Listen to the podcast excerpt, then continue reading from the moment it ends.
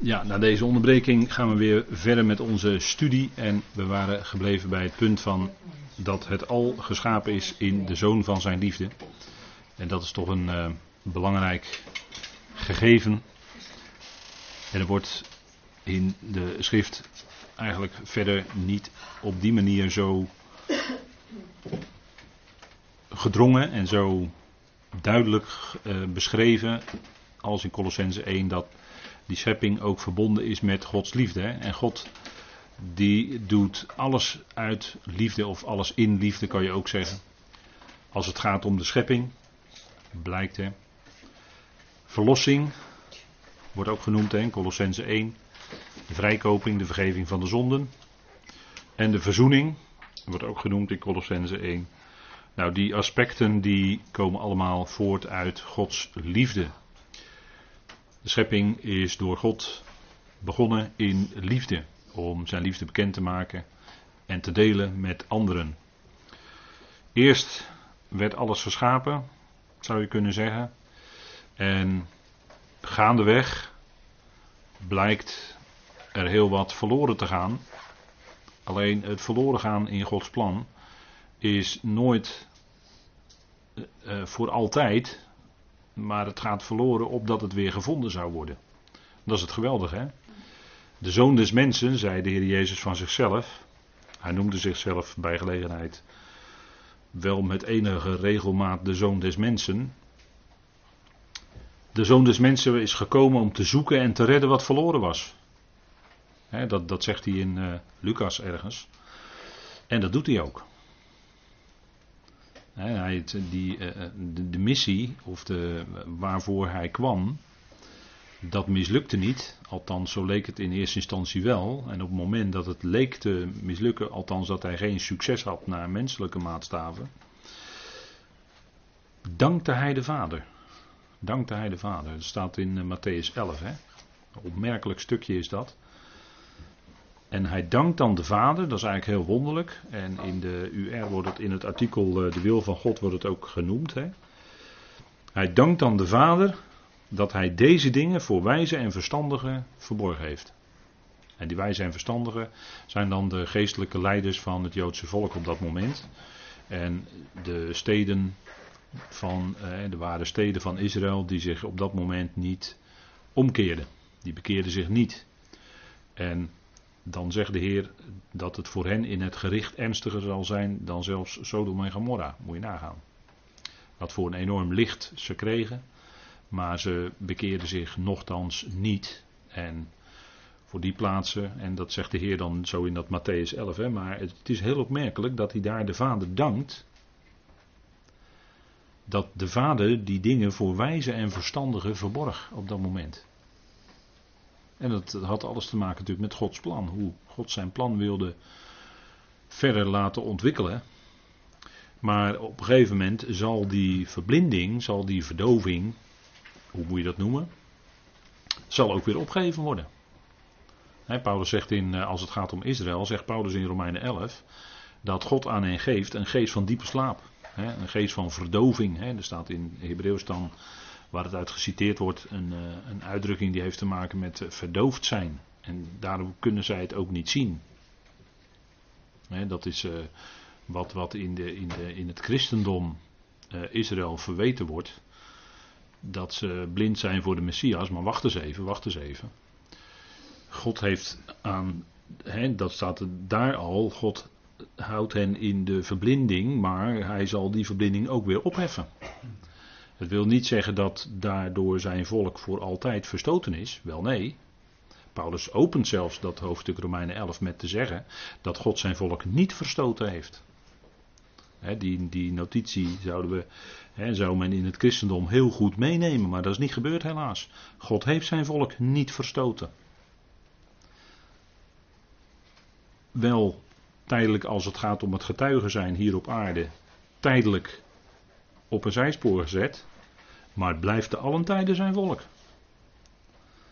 en ook al spreekt de profeet over een Loami-periode.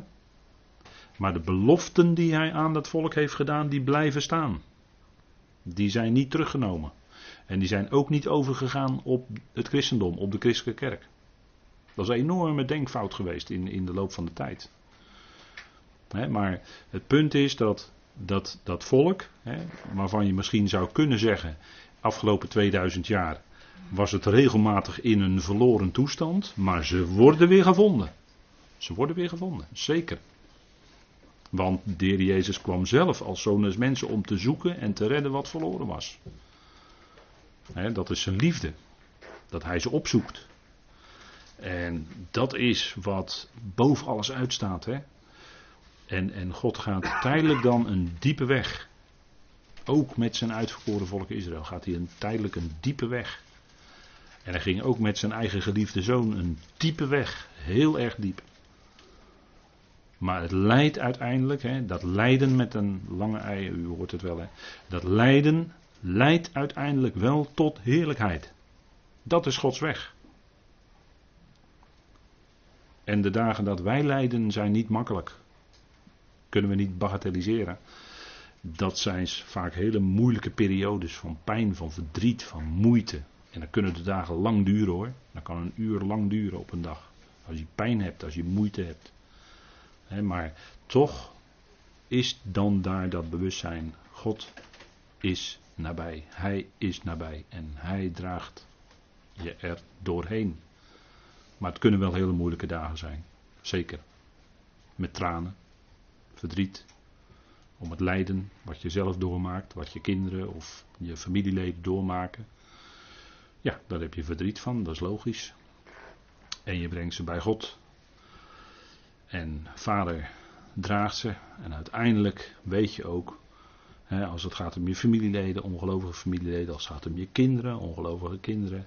God laat ze nooit los.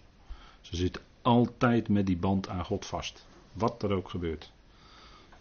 Dat is net als met een uh, familieband ten opzichte van je eigen kinderen. Het blijft altijd je kind. Wat er ook gebeurt. Maar het blijft je kind. En wat er ook gebeurt, je zal ervoor klaarstaan als ouder zijnde. Dat, dat, is, dat is een natuurlijk gegeven, zegt u misschien. Ja, maar het is uh, toch niet in de praktijk gebeuren er soms rare dingen, wat dat betreft. En zo is met God ten opzichte van de mensheid, is dat op veel hoger niveau. Maar het blijft altijd zijn mensheid. Zijn, en geliefd is de mens. dat is wat, wat, wat doorheen het Jodendom klinkt. Dat is wat door datgene wat wij mogen geloven duidelijk klinkt. geliefd is die mens. in, in, in, in tijden van crisis. Ga maar kijken in het Midden-Oosten. Als er vijanden gewond raken, dan worden ze in en door Israëlieten verzorgd. Vijanden, heb ik het over. Maar dan worden ze door leden van het volk Israël verzorgd. Ja, dat is de barmhartigheid waar de Torah van spreekt. Dat brengen ze dan in de praktijk. En dat zijn, denk ik, notities waarin je dus ziet, kijk, door dat woord, hoe dan ook, maar door dat woord, dat, dat werkt in die mens. En daardoor is die mens in staat dingen te doen ja, die, die je niet zou doen als je, dat, als je dat woord, als je die liefde van God niet kent.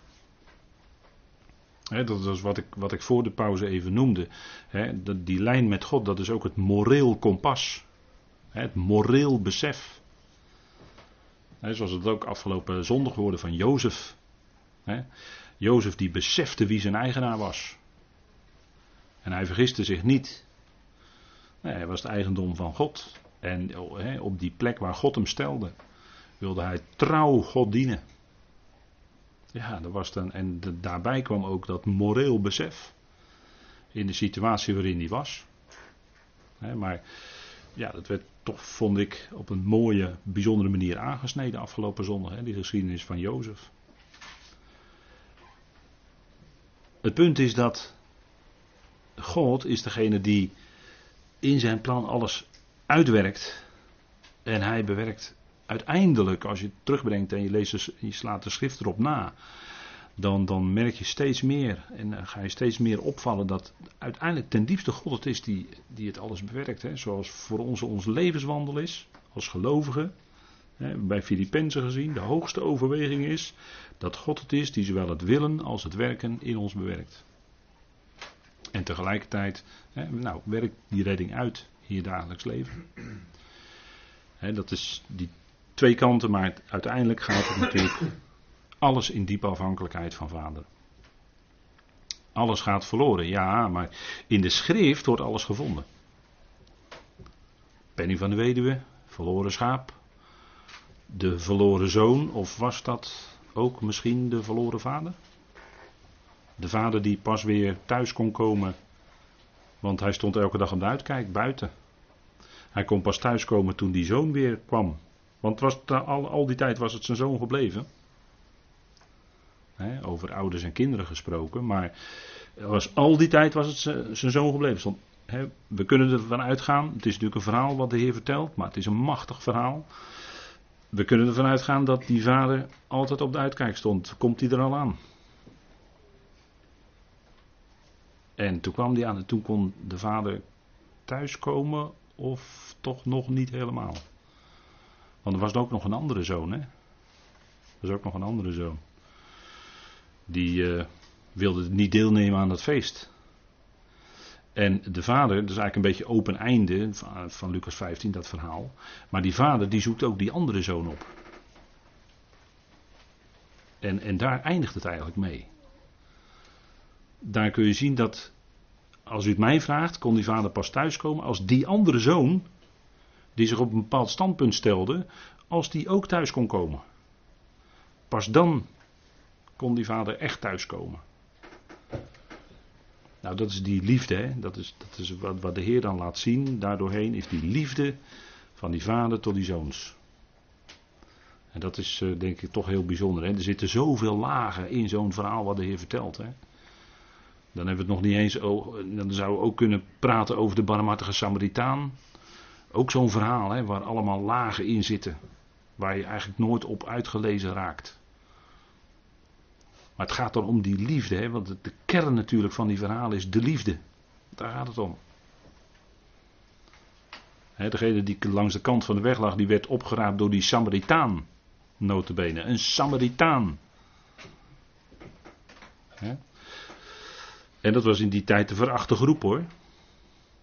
Maar uitgerekend die hielp diegene die langs de kant van de weg lag. Dat was bijzonder. En dat is ook liefde, dat was de barmhartigheid. En, en dat is wat, wat uiteindelijk ook bovenaan staat in Romeinen 11. God die heeft alle besloten onder de weerspannigheid of ongezeggelijkheid, of hoe je dat woord ook maar ook vertalen wil. Om zich uiteindelijk over allen te ontfermen, om die allen te barmhartig te zijn. Wie? Allen. Ja, dus niemand uitgezonderd. Uiteindelijk echt 100%. Iedereen valt binnen Gods liefde. En dat is het doel hè, wat God voor ogen stond van tevoren. Dat allen die verloren gingen ook weer gered zouden worden. Ook weer gevonden zouden worden. Dat is het geweldige van God. want als het om verloren, wie is, het, wie is het dan eigenlijk kwijt, die mensen? God is ze eigenlijk kwijt. ten opzichte van God zijn ze verloren. Maar God weet ze ook allemaal te vinden. En door dat vinden gaan ze die liefde van God ervaren. Dat is het geweldige. Hè? Allen gered. Ja, sommigen door geloof binnen Gods plan van Ionen. En sommigen ook via het zien. Hè? Dan komen ze voor de grote witte troon en dan zien ze de Heer Jezus Christus. Daar worden ze mee geconfronteerd. En die richt hen dan naar hun werken. En daardoorheen redt God ook die, dat is een hele grote groep, die voor de grote witte troon komt. Het gericht, hè, dat is niet kinderachtig. Dat is een hele sessie hoor, voor de grote witte troon. Dat is niet zomaar voorbij. Maar door gericht heen zal hij ook met hen tot zijn doel gaan komen. Ook al is het via de tweede dood, maar ook die wordt uiteindelijk opgeheven. In hem is het al geschapen. En omdat het zo is, zal alles onherroepelijk ook weer teruggevonden worden. Of het nu zichtbaar of onzichtbaar is. En dan spreekt Paulus hier over, als we lezen in vers 16, het zichtbare, het onzichtbare, tronen, heerschappijen, soevereiniteiten, volmachten of gevolmachtigden, kun je misschien ook zeggen. Dat zijn vier rangorden en dat veronderstelt dat daar, dat veronderstelt eigenlijk de aanwezigheid van de zonde. Want als dat, heerschappijen, tronen, spreekt van sowieso van de regering. En dat veronderstelt de aanwezigheid van de zonde. Zolang er nog sprake is van zonde of de uitwerking daarvan, is er heerschappij en regering nodig. Dus dat, dat, dat hier zo staat, dat impliceert al, hè, dat, dat houdt tevens al in dat er sprake is van zonde. Maar God zij dank zal die zonde ook op een bepaald moment weer moeten vertrekken om, niet meer, om nooit meer terug te keren. Dat is ook in Gods plan besloten. Hè? Door middel van het werk van onze Heer zal die zonde uiteindelijk moeten moven en komt niet meer terug. Omdat ook dat stervend zijn dan is opgeheven. En dan, hè, dan is Gods plan ook voltooid. En dan zijn er ook niet meer in die zin troonheerschappij, soevereiniteit en gevolmachtigden nodig. Die functies zijn dan allemaal voorbij aan het eind van Gods plan. Maar tijdens Gods plan zijn ze nodig. En er is in, zowel in de onzichtbare wereld, als het gaat om geestelijke machten en krachten, troonheerschappij, is daar een bepaalde rangorde. En ook op aarde kennen we hier een bepaalde rangorde. Als uh, de regering staat bovenaan en daaronder heb je allerlei uh, dienaren die uh, als ambtenaren dan het regeringsbeleid moeten uitvoeren enzovoort. Kun je ook, heers, kun je ook, kun je ook een rangorde inzien.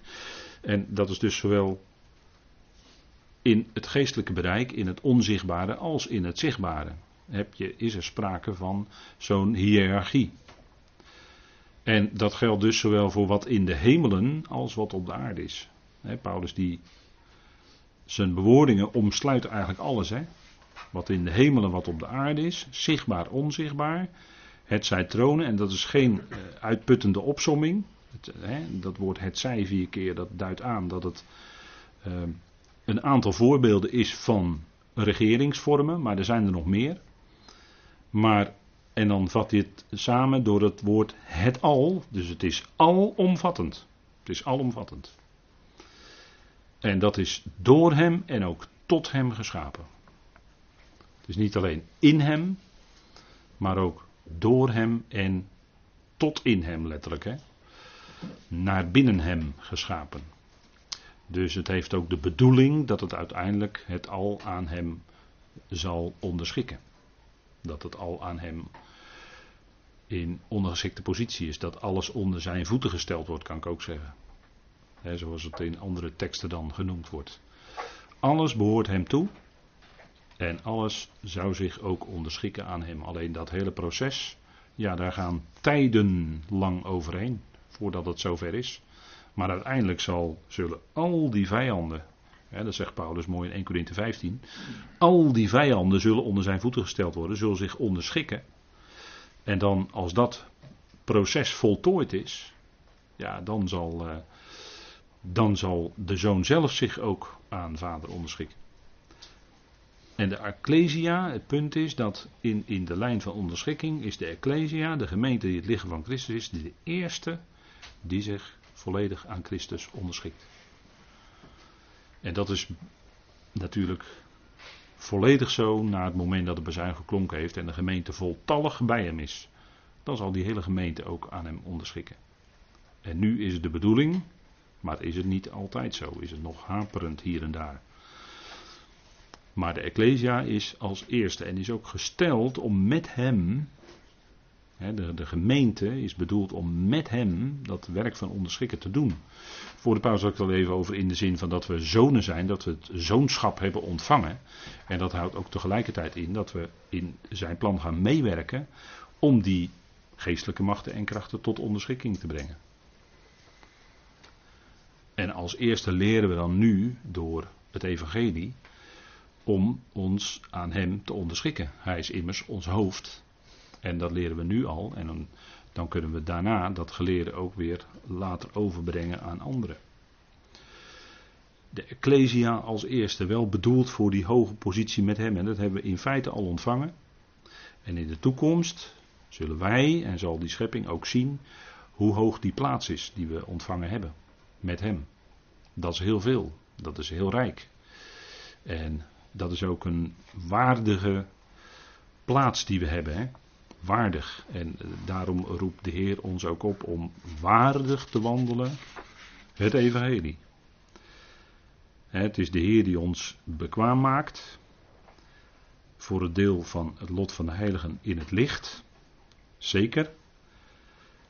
En we ontvangen de erkenning van zijn wil, wijsheid, geestelijk inzicht, vers 10, zodat jullie de Heer waardig wandelen. We hebben een waardige plaats ontvangen als zonen. En in overeenstemming daarmee zouden we ook waardig wandelen. Vanaf het moment dat de koning van Nederland, Willem, dat hij zich, dat hij zich eh, ging prepareren voor het koningschap, daar hoort dan ook een bepaalde manier van leven bij. hij, hij, werd waardig geacht om in de lijn troonopvolger te zijn, koning te zijn. En er hoort dan ook een zekere waardigheid bij, dat hij zich ook waardig opstelt en waardig leeft. dat is even een voorbeeldje voor ons. Wij hebben een bijzondere plaats ontvangen, die heel veel waarde heeft. En het is niet hier de enige plek natuurlijk waarin Paulus daarop wijst.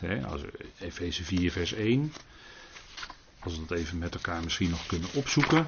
Als een van de laatste versen voor vanavond.